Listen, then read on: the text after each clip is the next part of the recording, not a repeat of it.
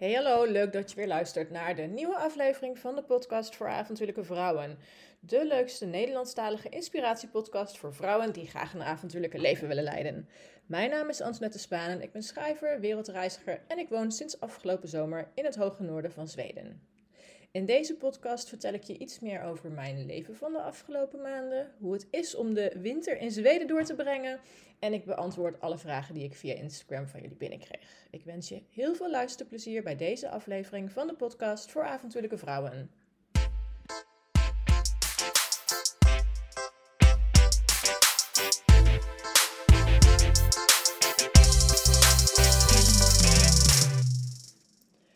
Oké, poging 135 geloof ik. Vanwege mijn keel, jongens. Oh, het is echt. Ik krijg elke keer als ik aan het praten ben, krijg ik een soort van roggel in mijn keel. En met de opnameapparatuur die ik op mijn laptop heb, kan ik schijnbaar niet ehm, de microfoon tijdelijk pauzeren. En ik wil niet dat jullie mijn roggel horen. Dus nou ja, oké. ik ga gewoon weer opnieuw een poging doen om uh, deze podcast op te nemen. Um, en ik ben ook helemaal van mijn apropos. Ik had een heel verhaal voorbereid. Dat heb ik nu al drie keer ingesproken. En het is nu weg. En ik merk ook dat ik denk, oh, elke keer die moeite en dan opnieuw moeten beginnen. Maar oké, ik ga gewoon weer een poging doen om opnieuw te beginnen met deze nieuwe aflevering van de podcast. Um, nou, het was natuurlijk eventjes stil rondom de avontuurlijke vrouwen. En dat heeft allerlei redenen. Maar de voornaamste reden was dat ik in december even een maand met vakantie ging ik moet eerlijk zeggen, ik had echt al jaren geen maand vakantie meer gehad.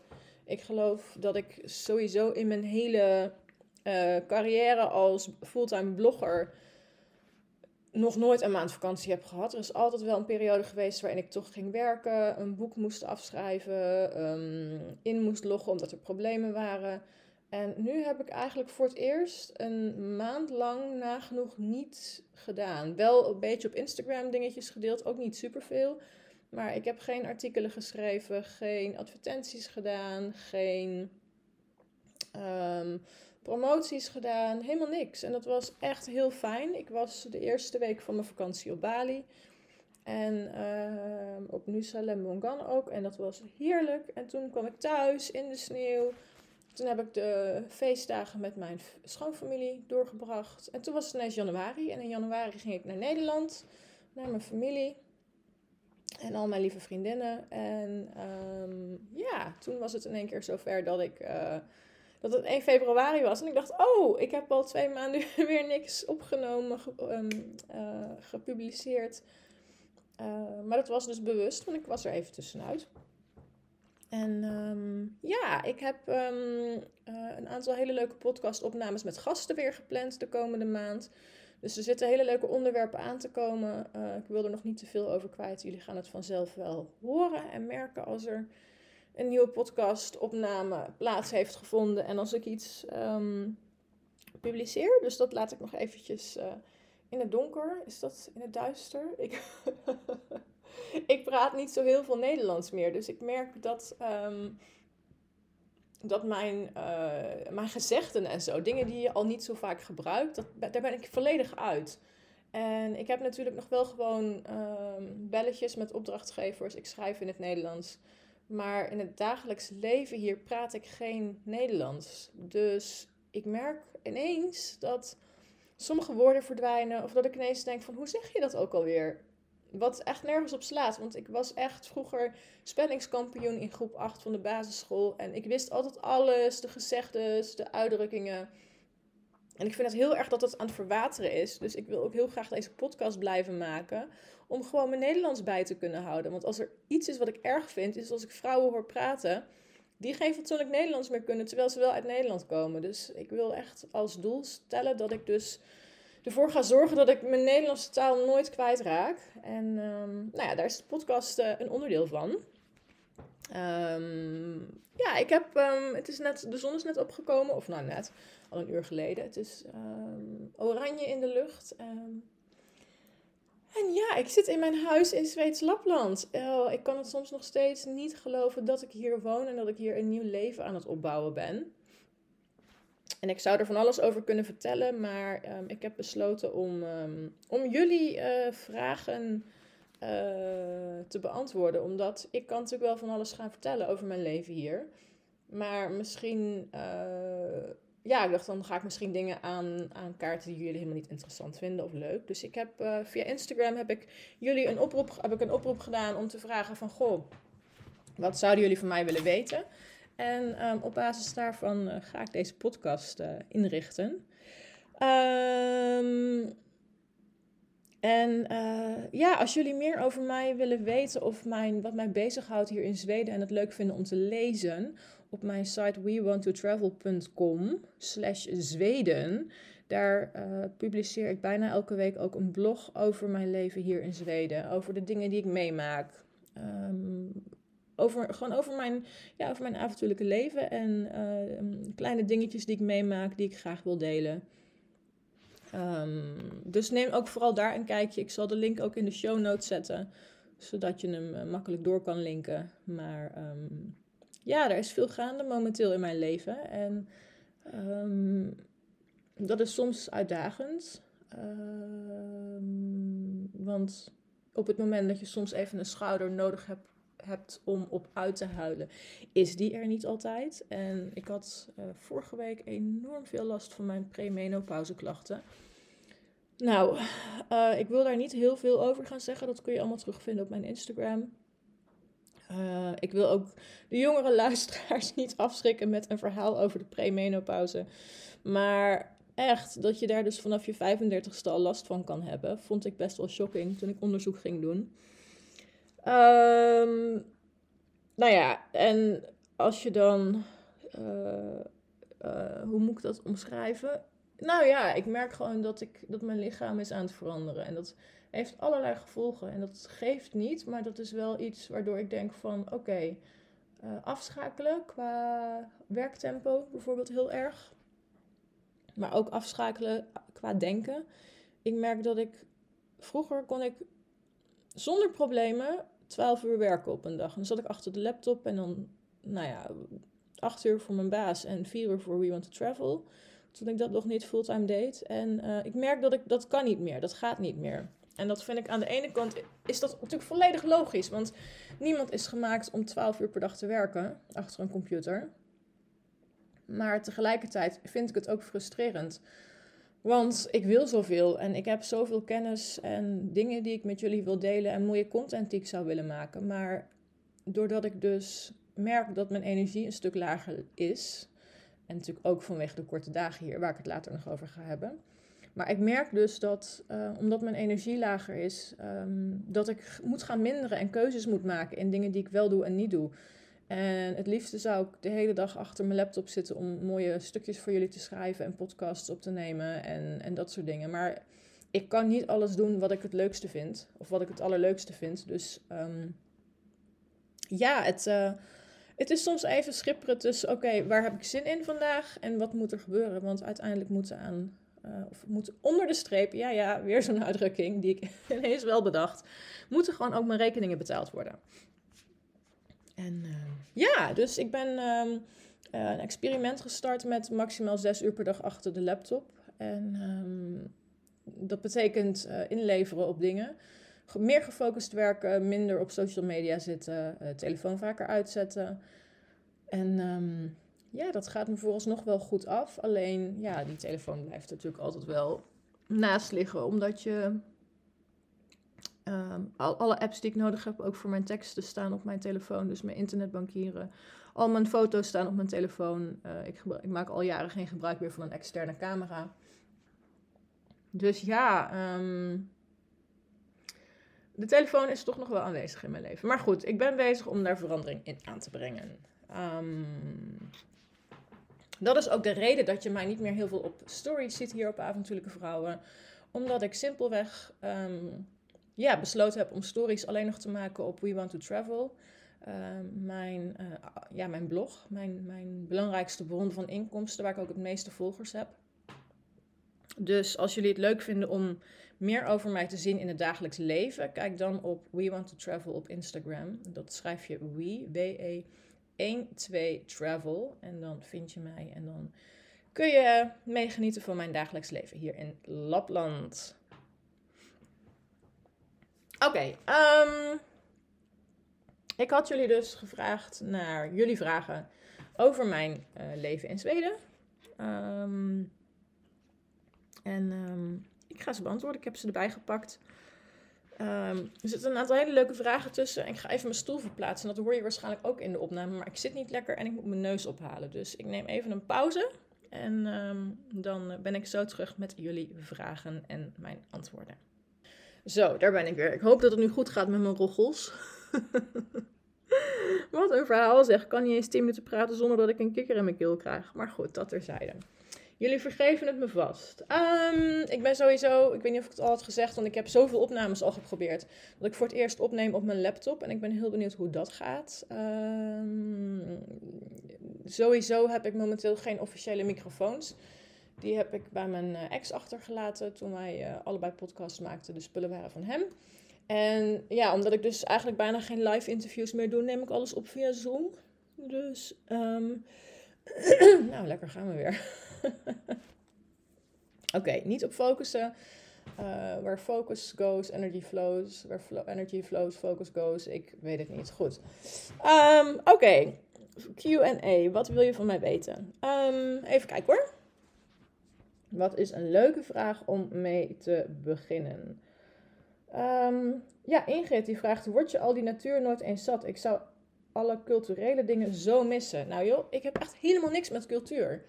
Nee, dat is niet waar. Dat is, dat is, dat is een beetje extreem. Maar um, ik weet ook niet wat je precies bedoelt met cultuur trouwens.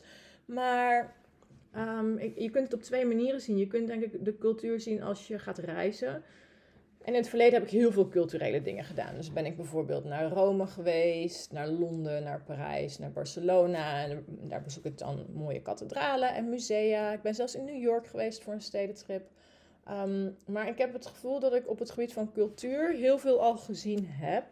En ik voel niet de behoefte om nog een keer terug te keren.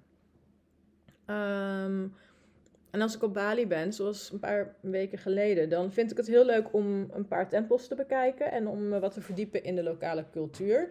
Maar mijn hart maakt geen sprongetje bij het zien van een tempel of een mooie kathedraal. En dat doet het bij het zien van een berg of een mooi meer of een mooi landschap wel.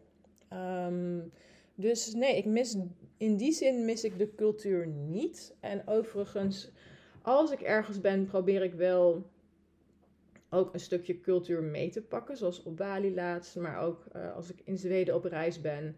Um, ben ik in augustus ben ik bij de mijn van Falun geweest. Dat is een oude kopermijn uh, waar een heel museum bij is.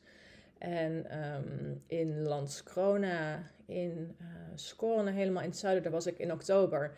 Daar heb ik een mooie stadswandeling gemaakt. Dus het is niet zo dat ik helemaal geen cultuur meer heb in mijn leven. Maar ik besteed er weinig aandacht aan. Ook omdat jullie mij volgen voor mijn avontuurlijke leven. En ik me kan voorstellen dat jullie niet zitten te wachten op verhalen over kerken en schilderijen. en, um, en dat soort dingen.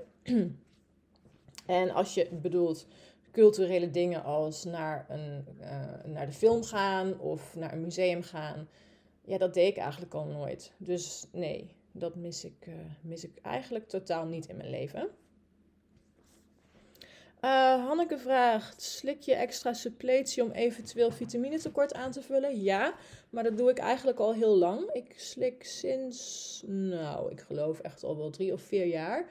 De multivitamine van Vitakruid voor vrouwen. Eentje in de ochtend en eentje in de avond. Um, en daarnaast slik ik uh, magnesium extra bij. Uh, soms vitamine C op het moment dat ik het idee heb van oké, ik heb even niet genoeg fruit en groenten gegeten. En visolie, alhoewel ik met de visolie ook deels gestopt ben nu, omdat um, mijn vriend uh, dus uh, visser is, of visser. Hij is niet visser, hij vist veel. En eigenlijk elke keer als wij samen zijn, eten we wel vers, verse vis of vis die hij gevangen heeft. Um, en um, dus ik slik alleen in de weken dat ik hem niet zie, slik ik nog visolie bij. En voor de rest vertrouw ik erop dat ik via de vis uit het lokale meer genoeg uh, visolie binnenkrijg. En daarnaast eet ik eigenlijk veel gezonder dan toen ik in Nederland was. Um, je kunt hier namelijk gewoon alles krijgen, alleen het is niet altijd vers. En het is gewoon wat duurder. Maar ik vind mijn eigen mental en physical well-being dermate belangrijk dat ik het niet altijd erg vind om 2 euro te betalen voor een avocado. Weet niet wat het in Nederland kost tegenwoordig. Ik geloof toen ik wegging was het 1 euro. Um, maar dat zie ik gewoon als een onderdeel van het leven hier. Dus um, groente en fruit eten doe ik eigenlijk nog steeds heel veel. Um, elke dag drie ons groente en minimaal twee keer fruit. En ik heb natuurlijk een hele vriezer vol met bessen. Alhoewel ik nu ongeveer op de helft ben van alles wat ik geplukt heb. Dus het gaat hard. maar ik moet wel zeggen dat ik dus al een jaar, of eigenlijk sinds ik hier ben, niet meer ziek ben geweest.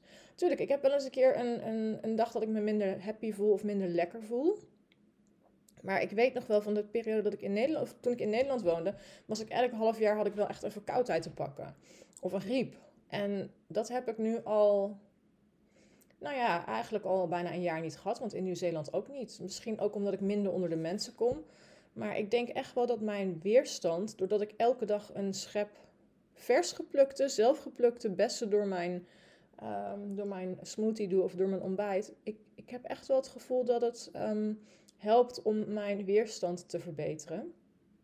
En ik was laatst op de vakantiebeurs in Nederland, waarbij ik heel veel handjes geschud heb en knuffels heb uitgedeeld.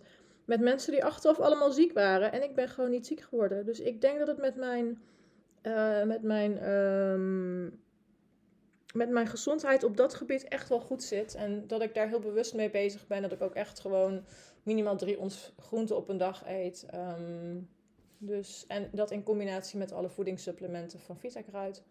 Dit is niet gesponsord trouwens. Um, denk ik dat ik een heel eind kom. Um, Solange vraagt: aan welke Zweedse gewoonte kan je moeilijk wennen? Oké, dat is een hele leuke discussie die ik met mijn vriend wel eens heb. Want uh, zo'n beetje heel Zweden gaat dicht in de zomer. In de zin van Bank, um, de, de zomervakantie is heilig voor Zweden. Voor de Zweden. Dus ze gaan massaal op vakantie in de zomer. Maar dan niet twee of drie weken, maar ook gewoon de hele zomer. Dus de lokale bank zat bijvoorbeeld de hele zomer dicht. Ziekenhuizen gaan dicht. Um, in mijn dorp wordt um, de weg wordt, uh, aangepast, opnieuw geasfalteerd. En daar zijn ze al twee jaar mee bezig. Omdat er in de zomer dus niet gewerkt wordt. Want iedereen moet met vakantie. Iedereen wil met vakantie. En aangezien er, nou, ik denk vanaf mei pas geen sneeuw meer ligt, betekent dat dat ze alleen in mei en juni, nou, juli, augustus zijn ze dan vrij. En dan september kunnen ze aan die weg werken. En dat betekent dus dat, um, dat die weg al, uh, dat, het, dat het dus al, nou, ik geloof al wel, twee jaar aan de gang is en pas volgend jaar klaar is. Omdat nou ja, ik weet niet of het omdat is, maar uh, in de zomer wordt er dus gewoon niet gewerkt. En um, ik heb dat ook tegen, tegen mijn vriend gezegd: van maar hoe kan het dat bedrijven gewoon dicht gaan in de zomer? Um, in Nederland zou zoiets nooit kunnen. Ja, weet je, een klein familiebedrijf, een klein notariskantoor of een klein makelaarskantoor gaat misschien twee, twee weken dicht in de zomer. Maar hier gaat gewoon in de zomer alles wat niet met toerisme te maken heeft, gewoon bijna dicht. En dan denk ik, jeetje, hoe kan dat? Um, en dat is wel een gewoonte die ik gewoon niet begrijp. Maar dat is meer uit uh, zakelijk gezien. Uh, sowieso zijn Zweden echt weinig zakelijk. Nou ja, buiten Stockholm in ieder geval. Niet bezig met carrière, niet bezig met netwerken, niet bezig met geld verdienen. Um, en ik ben daar altijd wel mee bezig. Ik moet, misschien ook omdat ik gewoon zelf mijn broek moet ophouden. Ik heb geen partner om op te uh, steunen als het even wat minder gaat. Uh, want hij heeft gewoon zijn eigen kosten en zijn eigen um, huis. Um, ik heb geen baas die me uitbetaalt. Dus misschien, ja, dat ik daardoor ook gefocuster ben op dat ik veel werk en altijd daarmee bezig ben. Maar ja, ik, uh, die vijf weken, zes weken vakantie in de zomer vind ik wel extreem. En begrijp ik ook de logica niet van. Ja, tuurlijk, ik snap wel dat je vakantie wil in de zomer. Maar ik snap niet dat hele bouwprojecten daarom volledig stil komen te liggen. Maar, en dan ook gewoon gedurende een periode van twee maanden.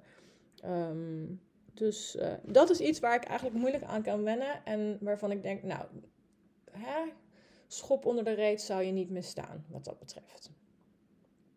Uh, Solange vraagt ook, hoe gaat het met het leren van de Zweedse taal? Ja, ik moet eerlijk zeggen, ik, uh, ik ben gewoon druk. Dus ik, ik denk dat het best goed gaat. Ik had mezelf een jaar gegeven, of ik heb mezelf een jaar gegeven om uh, te kunnen converseren met de mensen om mij heen. En um, dat gaat best wel redelijk oké. Um, als ik naar mijn buren ga, probeer ik zoveel mogelijk in het Zweeds te praten. Um, lukt niet altijd. Maar ik kan, als zij in, langzaam tegen mij terugpraten, kan ik ze verstaan. En ja, ik ben eigenlijk pas, nou hoe lang bezig? Zes maanden? Juli, augustus, september, oktober, november, december, januari. Zeven maanden. Dus ik denk eigenlijk dat het best wel goed gaat. Um, ik heb gewoon geen tijd om cursussen te doen of me er echt enorm in te verdiepen. Uh, en dat is ook niet mijn doel. Ik uh, doe elke dag ongeveer 10 minuten Duolingo en ik lees af en toe een krant in het Zweeds of ik probeer het te lezen. En ik um, probeer als ik naar de supermarkt ga mijn dingen in het Zweeds te doen. En dat vind ik voor nu eigenlijk even prima. Dus um, ik denk dat ik right on schedule ben met mijn jaar uh, dat ik mezelf had gegeven. Uh, Jacqueline vraagt: waarom precies Zweden en niet bijvoorbeeld Noorwegen? Nou ja, Noorwegen is ook heel mooi. Even gapen, sorry hoor, was weer vroeg vanmorgen. Maar het is niet te betalen. Um, nee, er zijn wel wezenlijke verschillen hoor tussen Noorwegen en Zweden. Ik denk dat het bij mij voortkomt uit het feit dat uh, in Noorwegen overal huizen staan. En ik Noorwegen toch te bevolkt vind. Um, de passie die ik voelde voor Zweden heb ik bij Noorwegen niet gevoeld. Niet, niet dat vuurtje wat in mij aangaat.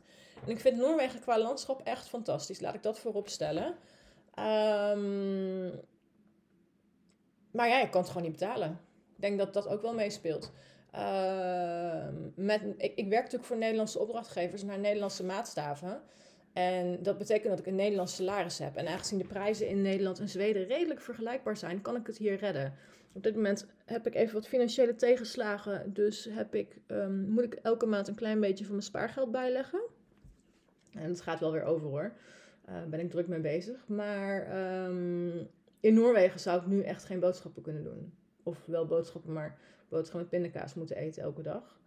Um, dus ja, vandaar dat ik eigenlijk in Zweden ben uitgekomen. En ik ben wel echt bewust in het noorden gaan wonen, omdat ik het hier prachtig vind. Maar ook omdat ik dus niet ergens wilde wonen waar hele dorpen vernederlandst zijn of verduidst. Omdat er heel veel Nederlanders en Duitsers en ik denk ook Zwitsers en Belgen en nou ja, andere landen. Maar er zijn heel veel mensen die dus een huis in Zweden kopen. En um, ja, ik, ik hoef er niet zo nodig tussen de Nederlanders te zitten. Ik vind het prima als ik een Nederlander tegenkom hoor, die hier woont. Ik ga ze niet uit de weg, maar ik wilde niet in, uh, in een provincie of een regio wonen waar het barst van de Nederlanders. Die behoefte voelde ik bepaald niet, eerlijk gezegd. Um, dus vandaar dat ik in het noorden van Zweden terecht ben gekomen. Dan heb ik een vraag van Maaike. Probeer je minimalistisch te leven just in case je weer gaat verhuizen en wat zijn je tips daarbij? Um, nee, ik heb wel minimalistisch geleefd. Uh, ik denk mijn, al mijn spullen zaten in een opslag van, nou, ik geloof 14 kub, zoiets. Dus was echt niet heel veel. Uh, maar nu heb ik een huis van twee etages. En ik krijg vaak de vraag of de opmerking: Oh, maar ik had verwacht dat je in een cabin zou wonen. Nee, dat heb ik volgens mij ook al een keer uitgelegd. Weet ik even niet meer zeker of dat in deze podcast was of op mijn site of iets. Maar ik woon in een normale eensgezinswoning, een vrijstaande eensgezinswoning met bijna 1000 vierkante meter grond. 1000 vierkante meter? Ja, het is uiteindelijk 800 eh, vierkante meter grond eromheen. En die leuke cabins die jij ziet um, op Instagram, wat trouwens gewoon echt, daar wil ik het ook nog over hebben, dat Instagram is echt totaal niet hoe het hier is. Um, maar dat even terzijde. Um, die leuke cabins die je ziet, die leuke huizen in the middle of nowhere. A, daar is de, de, de kleine cabins, die hebben vaak geen stromend water en geen elektriciteit. En B, die zijn helemaal niet gemaakt om in de winter te wonen. Dus dat zijn vaak fritidshuis, uh, dus uh, vrije tijdshuizen waar mensen in de weekenden of in een vakantie naartoe gaan. En bovendien, als jij in the middle of nowhere woont, moet je zelf alles sneeuwploegen sneeuwvrij maken, de weg naar je huis. Nou, heb je misschien al op Instagram gezien dat ik echt best wel soms moe word van het sneeuwschuiven, want het is gewoon heel veel werk. En als je dat allemaal zelf moet doen, ik moet er niet aan denken. Um, nou daarom heb ik uiteindelijk dus ervoor gekozen om in een groot huis, of nou, een huis wat beschikbaar was binnen mijn budget, uh, een huis, uh, om daar te gaan wonen. En um, ik heb nu zoveel ruimte dat ik eigenlijk het minimalistische een beetje achter me heb gelaten. Um, dat, heeft, dat betekent niet dat ik um, nu maar heel veel spullen ga kopen, maar het betekent wel dat ik de ruimte heb om skis te kopen. En om uh, voor alle dingen die ik doe, misschien aparte spullen aan te schaffen. Dus waar ik vroeger vaker spullen zou verkopen weer, of weg zou doen, of zou denken, ja, ik heb eigenlijk voor dat en dat dit nodig, maar er is geen ruimte voor om het op te slaan, dus laat maar. Daardoor ga ik nu makkelijker zeggen van, oké, nou ik heb genoeg ruimte, dus um, uh, prima, uh, stuur maar op als iemand mij wil sponsoren bijvoorbeeld. Um, en ik heb vroeger heel veel spullen ook verkocht, een paar jaar geleden, maar ook een veiling gehouden voor, um, was het Oekraïne of was het iets anders? Ik weet het niet meer. Ik heb ergens een veiling voor gehouden op Avontuurlijke Vrouwen Instagram een paar jaar geleden. Heb ik heel veel van mijn outdoor spullen ook verkocht, omdat ik geen ruimte meer had. Maar ja, omdat ik nu dus de ruimte heb, merk ik dat ik ja, dat minimalistische eigenlijk een beetje achter me heb gelaten. Ook omdat, ja, als ik weer ga verhuizen, zal ik waarschijnlijk weer in een vergelijkbaar grootte qua huis komen. Omdat er in Zweden gewoon, waar ik woon, eigenlijk geen kleine huizen zijn. Um, dus dat. En het grappige, dat is nog wel, dat wil ik ook wel vertellen, is dat um, wat ik nog wel minimalistisch doe, is boodschappen doen. Dus ik heb een enorme vriezer en een enorme koelkast, wat een enorme luxe is, want dat heb ik jaren niet gehad. En elke keer als mijn vriend hier is, dan zegt hij: Ja, heb je nou weer niks in de koelkast om te eten? Ik kijk gewoon wat ik per twee, drie dagen nodig heb en die inkopen doe ik. En ik, hij heeft echt een hele vriezer vol en een hele koelkast vol. En als ik dat ding opentrek, dan denk ik wel eens: Oh mijn god, hier ligt zoveel wat gewoon over datum aan het gaan is, of net niet meer kan. En ik ben heel bewust bezig met, nou ja, ik, heb, ik woon alleen, ik heb geen volle vriezer nodig, ik heb geen volle koelkast nodig. Dus um, ik ben helemaal niet bezig met um, in bulk kopen. Wat best wel lastig is, omdat Zweden echt een land is waar je heel veel grootverpakkingen koopt. Ik kan bijvoorbeeld niet één hamburger kopen. En um, ik ben ook niet heel erg van het dingen maandenlang in de vriezer bewaren. Dus ik heb bijvoorbeeld deze week heb ik al drie avonden sla met aardappels en een vegaburger gegeten. En dan denk ik, ja, eet ik drie avonden hetzelfde. Maar ja, die vegaburgers heb ik per vier gekocht. En ik, ik moest twee kilo aardappelen kopen en een hele krop sla. Um, dus dan op die manier denk ik wel, als ik mijn koelkast opentrek en mijn vriezer, ligt daar relatief weinig eten in. En schijnbaar is het wel typisch Zweeds om heel erg te hamsteren. En uh, minimaal één, maar soms twee of drie volle vriezers te hebben. Ja, dat heb ik dus niet. Dus ik merk wel dat ik daar wat wijzigingen in zou moeten aanbrengen. Ook omdat ik soms gewoon echt bijna niks meer in huis heb. En hij dan echt zegt: Ja, maar wat als je nu ziek wordt of wat als de pleuris uitbreekt?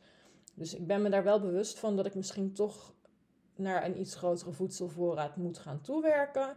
Maar ik merk dat mijn hoofd daar nog niet helemaal in mee wil. Dus dat over het minimalistische leven. Danielle vraagt: In hoeverre heb je contact met buurtbewoners en hoe is dat ontstaan vanuit jou, vanuit hen? Um, ik heb best wel leuk contact met mijn overburen. Dat zijn hele lieve gepensioneerde mensen um, die ontzettend aardig zijn, behulpzaam. Uh, die zorgen ook voor mijn huis als ik er niet ben. Um, of zorgen. Die houden in de gaten dat mijn leidingen niet bevriezen. Uh, die uh, zetten mijn verwarming aan als ik weer thuis kom en zorgen dat de post binnengehaald wordt. En af en toe doen ze mijn oprit schoonmaken van sneeuw. Op een of andere manier is het zo dat elke keer als ik thuis kom van een reis, ligt er een enorm nieuw pak sneeuw. En ik ben nu tien dagen thuis en het heeft nauwelijks gesneeuwd. Ja, een klein beetje. Maar elke keer als ik op reis ben, valt er weer een halve meter. En nou ja, dat is natuurlijk de, de wet van Murphy, of heet dat ook alweer? Ja, heb ik weer zo'n gezegde. Maar, um, en, en, en de buurman, die heeft een sneu, sneu, sneu, een sneeuwslinger, een soort van. En dat is een machine waarmee je sneeuw weg kan blazen, als het ware. Dus um, elke keer als hij zijn eigen oprit doet, dan doet hij mijn oprit ook eventjes. En mijn wandelpad naar de voordeur Betekent niet dat ik niks meer hoef te doen, want allebei mijn veranda's. Ik heb, voor heb ik een enorm balkon en achter heb ik een enorme veranda. Die doe ik zelf. Nou ja, en als je mijn uh, reel hebt gezien van een paar dagen geleden, dan weet je ook dat ik gewoon met één veranda al twee tot drie uur bezig ben om die sneeuw vrij te krijgen. Ehm, dus ja, ik heb met mijn, lang verhaal kort, ik heb met mijn overburen heel leuk contact. Dat zijn super lieve mensen. En de overbuurvrouw gaat mij ook leren breien. Ik heb een breipakket uh, ontvangen. Dus ik ga leren breien. En um, ja, met andere buren heb ik ook oké contact. Daar ga ik niet over de vloer. Um, voel ik ook niet heel erg behoefte aan. Maar het zijn hele lieve mensen.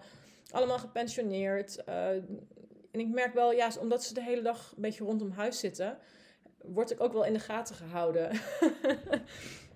en schijnbaar ben ik ook het praatje van het dorp inmiddels. Want ja, het is natuurlijk heel spannend als er in een dorp waar leegstand plaatsvindt, ineens een reisblogger uit Nederland komt wonen. Dat stond ook in de krant eergisteren.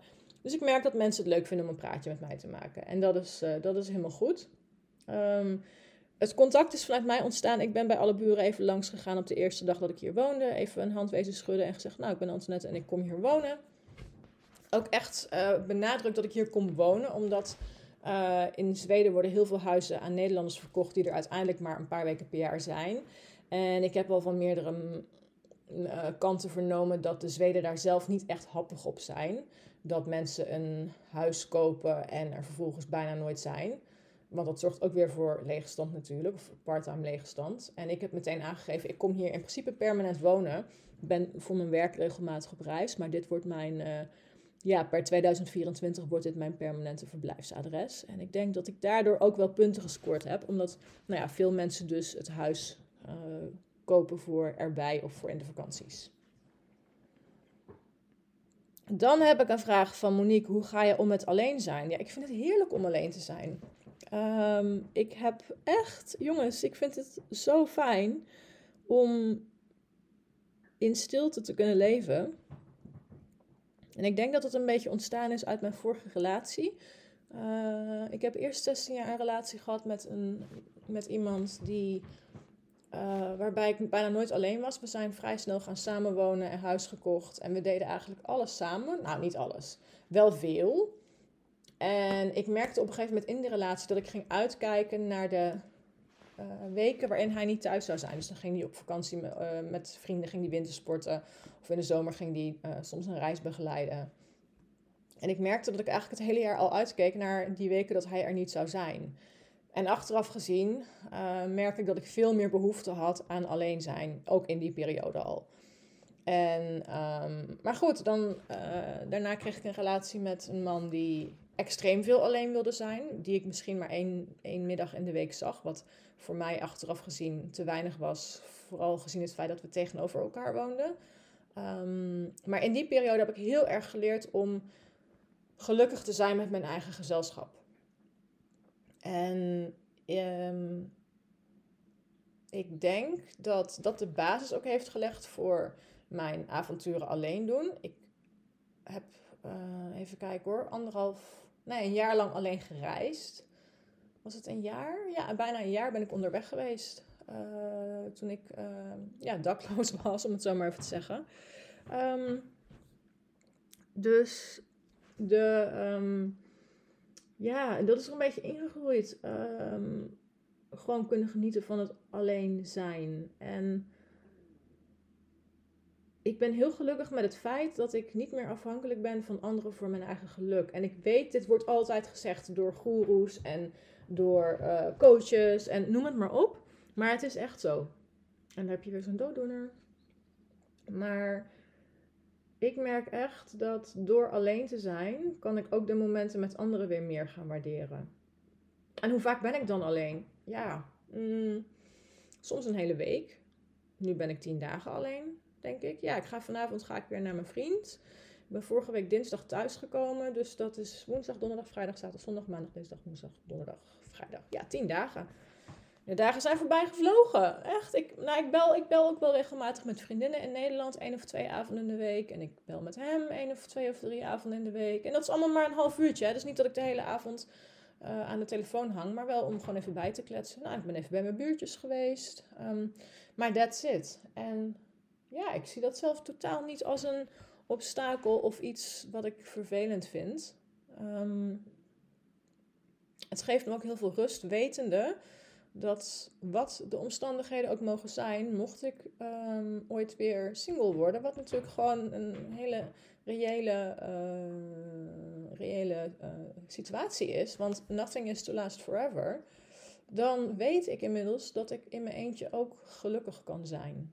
En ja, dat is eigenlijk alles wat ik daar wel over kwijt wil. En ik weet dat als je nu luistert en je bent ongewenst single, dat je waarschijnlijk denkt: ja, hallo, dat is lekker makkelijk gezegd.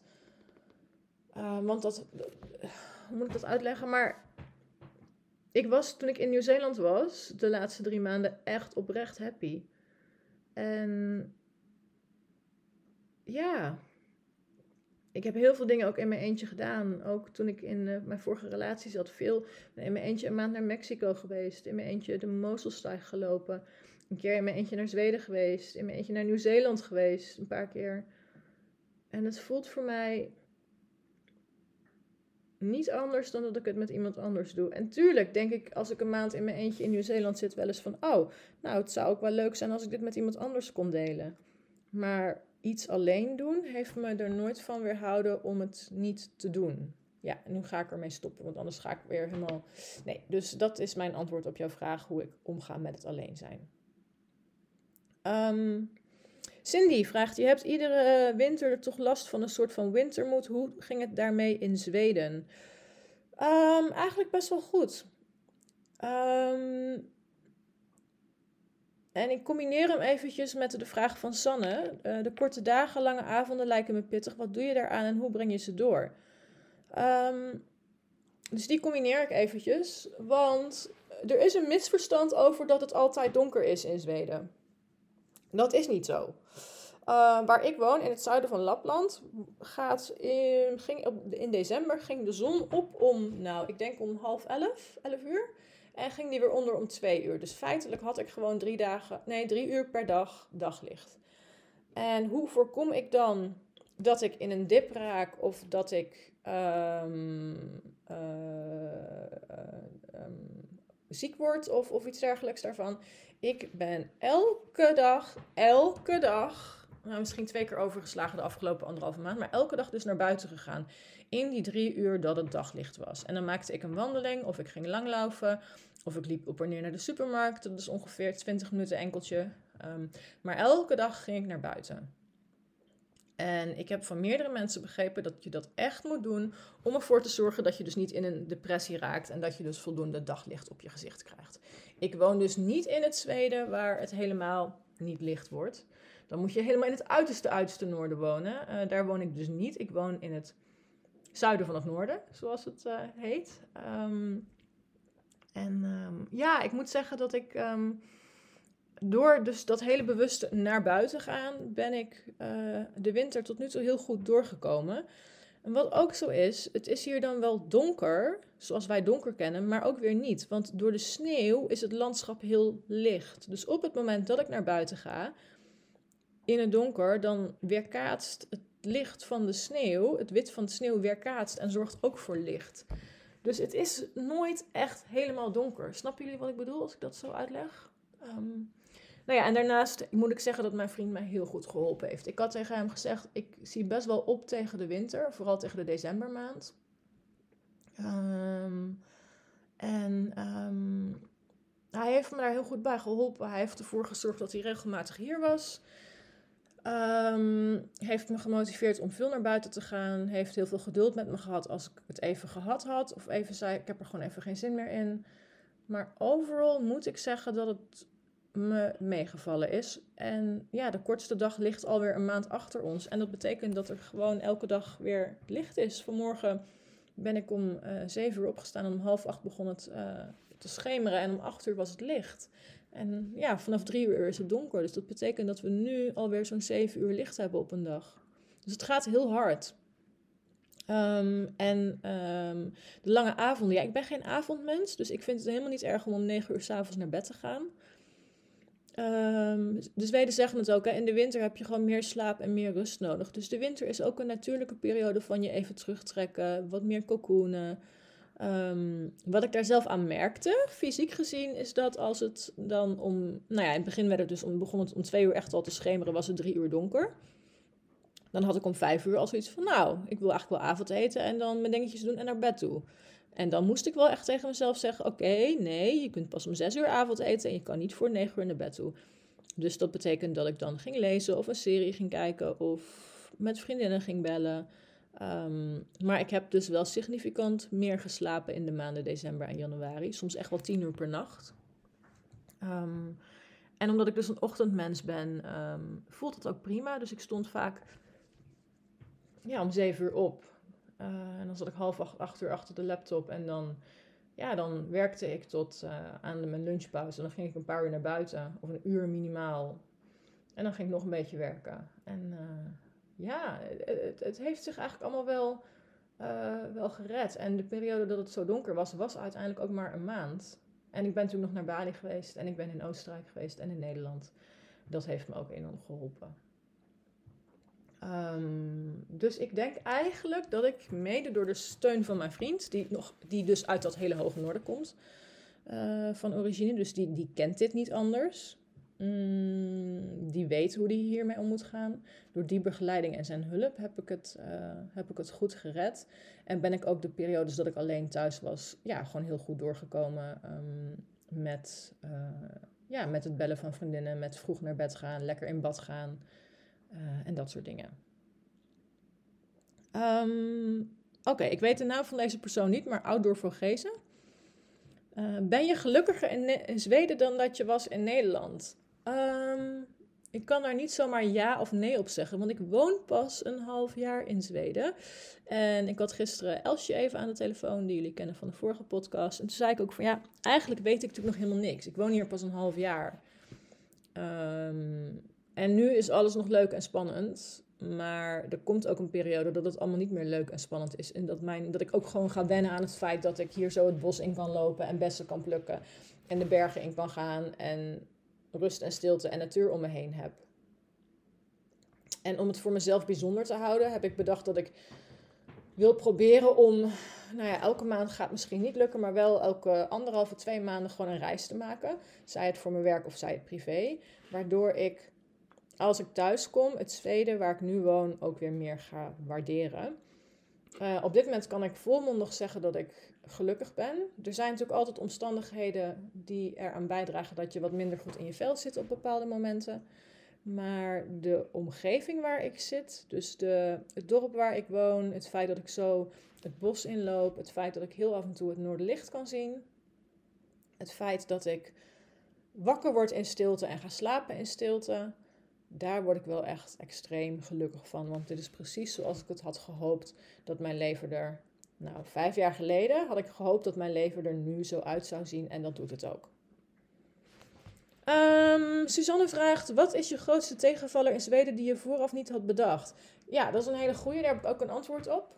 Um, dat heb je me misschien al een keer horen zeggen. Maar wat ik me gewoon niet had gerealiseerd. En neem het me niet kwalijk, want je kunt gewoon niet alles incalculeren. Maar is dat um, als ik nu ergens naartoe wil reizen, dat um, ik niet meer zomaar ergens ben. Kijk, vanaf Amsterdam, Schiphol is een uur vanaf Arnhem met de trein. En dan zat ik in het vliegtuig. Of vanuit Nederland kun je met de trein overal naartoe. Of met de auto, want je zit gewoon heel centraal in Europa.